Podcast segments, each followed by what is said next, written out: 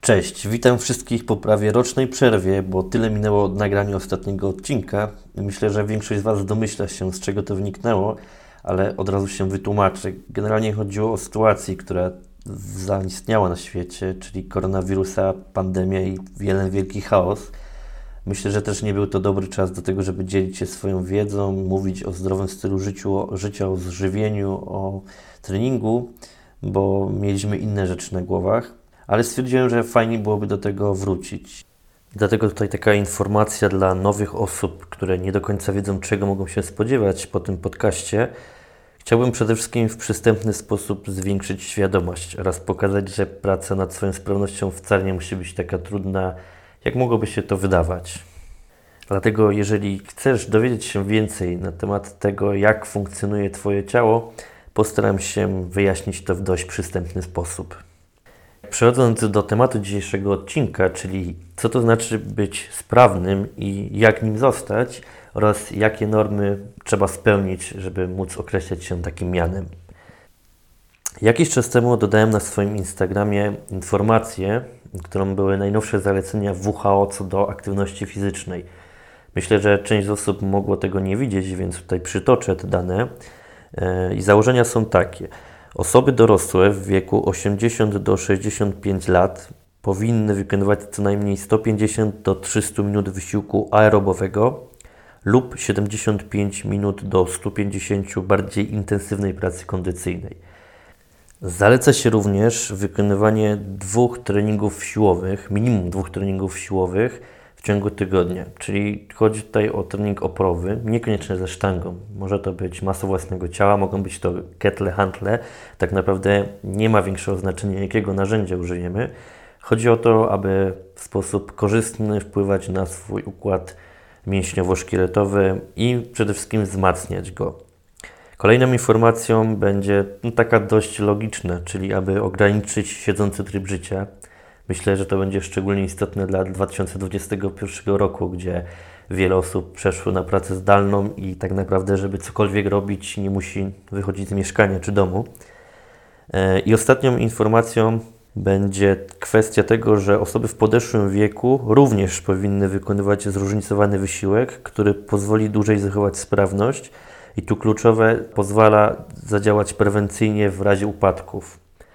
I mowa tutaj zarówno o treningu kondycyjnym, oczywiście troszeczkę luźniejszym, lżejszym, ale także o treningu siłowym. I tutaj w formie ciekawostki podam również informację, że ostatnio zadałem pytanie w formie ankiety na Instagramie, czy ludzie stosują się do tych zaleceń i odpowiedź na tak udzieliło tylko 62% ankietowanych. A przypominam, że te rekomendowane wartości są tylko minimalnymi co do ruchu, który powinniśmy wykonywać. Jeżeli chodzi natomiast o moją definicję sprawności, będzie się na to składało kilka elementów. Pierwszym z nich bez wątpienia będzie kwestia tego, czy jesteśmy w stanie poruszać się bezbólowo. Bo teraz wyobraźmy sobie sytuację, w której boli nas kolano, bark, kręgosłup, cokolwiek innego w naszym ciele, to tak naprawdę każdy ruch mm, czy jakakolwiek aktywność fizyczna nie będzie nas cieszyć, a przede wszystkim może doprowadzić do pogorszenia się naszego stanu. Więc jeśli borykasz się z takim stanem, że coś Cię boli, myślę, że tutaj priorytetowo powinieneś, powinnaś zadziałać w sposób diagnostyczny, tak aby wdrożyć odpowiednią terapię, która zniweluje ten stan. Niestety z mojego doświadczenia wynika, że często osoby, które zgłaszają się do mnie na treningi, z którymi mam okazję współpracować, informują mnie, że na przykład boli kolano od 3 lat i nic z tym nie robią. Tak naprawdę dopiero jak sytuacja się pogorszyła, to stwierdziły, że fajnie by było zacząć się ruszać. No ale to czasami już jest niestety troszkę za późno. Następnym elementem takiej naszej układanki sprawnego ciała będzie kwestia odpowiedniej ruchomości, to znaczy elastyczności naszych tkanek, tego czy mamy odpowiednie zakresy ruchu i czy potrafimy je wykorzystywać. E, tutaj warto się też zastanowić nad tym, czy jest sens być zbytnio rozciągniętym, za bardzo rozciągniętym w sytuacji, w której nie mamy kontroli nad tymi zakresami ruchu. Przykład. Myślę, że też część z Was, czy może sam słuchaczu spotkałeś się z taką osobą, która tak naprawdę nie robiąc nic jest w stanie zrobić szpagat, nie wiem, założyć sobie nogę na głowę, czy jakiekolwiek inne dziwne ruchy wykonać. I teraz wyobraźmy sobie sytuację, w której dochodzi do jakiegoś wypadku, upadku na nartach, nie wiem, w górach. I w związku z tym, że ta osoba jest zbyt elastyczna, że ma te stawy zbyt luźne, mm, jest dużo większa szansa, że tak naprawdę pojawi się jakaś kontuzja. Dlatego oczywiście należy posiadać odpowiednie normy ruchomości naszego ciała, natomiast pamiętać o tym, aby wraz z ich wzrostem rosła również nasza kontrola motoryczna nad nimi. Następnym elementem będzie odpowiedni poziom siły mięśniowej i ta cecha motoryczna jest dość łatwa do skalowania, to znaczy niezależnie od tego, na jakim poziomie jesteśmy w tej chwili, można w dość łatwy sposób dobrać odpowiednie ćwiczenia, zregresować je w taki sposób, by móc je wykonywać tak naprawdę od samego początku i stopniowo dokładać trudności w taki sposób, aby ten poziom siły cały czas stopniowo nam wzrastał.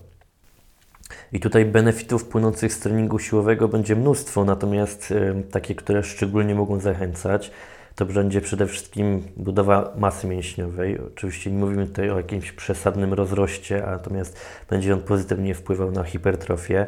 Będzie zwiększenie gibkości i elastyczności naszego ciała, bo tak naprawdę trening siłowy mm, odpowiednio dobrany pod nasze jakieś restrykcje ruchowe może być wystarczający i wcale nie ma konieczności dokładania dodatkowych ćwiczeń rozciągających. E, będzie on pozytywnie wpływał na zdrowie naszych kości, zwiększał ich siłę, a także zdrowie ścięgien i więzadeł, przez co będzie działał prewencyjnie. E, no i nie zapominając także o takich kwestiach psychologicznych, jak zwiększenie pewności siebie, e, zmniejszenie stresu czy poprawa jakości snu. Dobrze byłoby również wdrożyć odpowiedni trening kondycyjny. Natomiast tutaj zauważam, że są takie dwa obozy.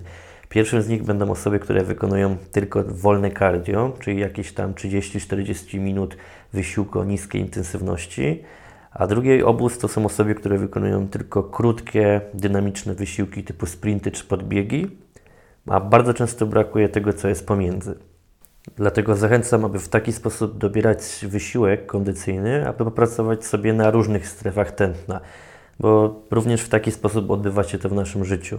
Warto zaznaczyć, że trening kondycyjny nie musi oznaczać tylko i wyłącznie biegania czy jazdy na rowerze, ponieważ jesteśmy w stanie w taki sposób skonstruować naszą jednostkę treningową, aby na przykład załatwić tą pracę kondycyjną przed czy po treningu i wcale nie musi to trwać godziny.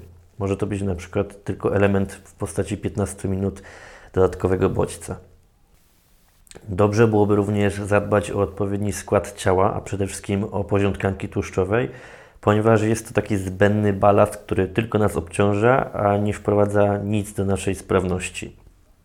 I na samym końcu chyba najważniejszy element, czyli żeby ruch nas cieszył, a nie był dla nas karą.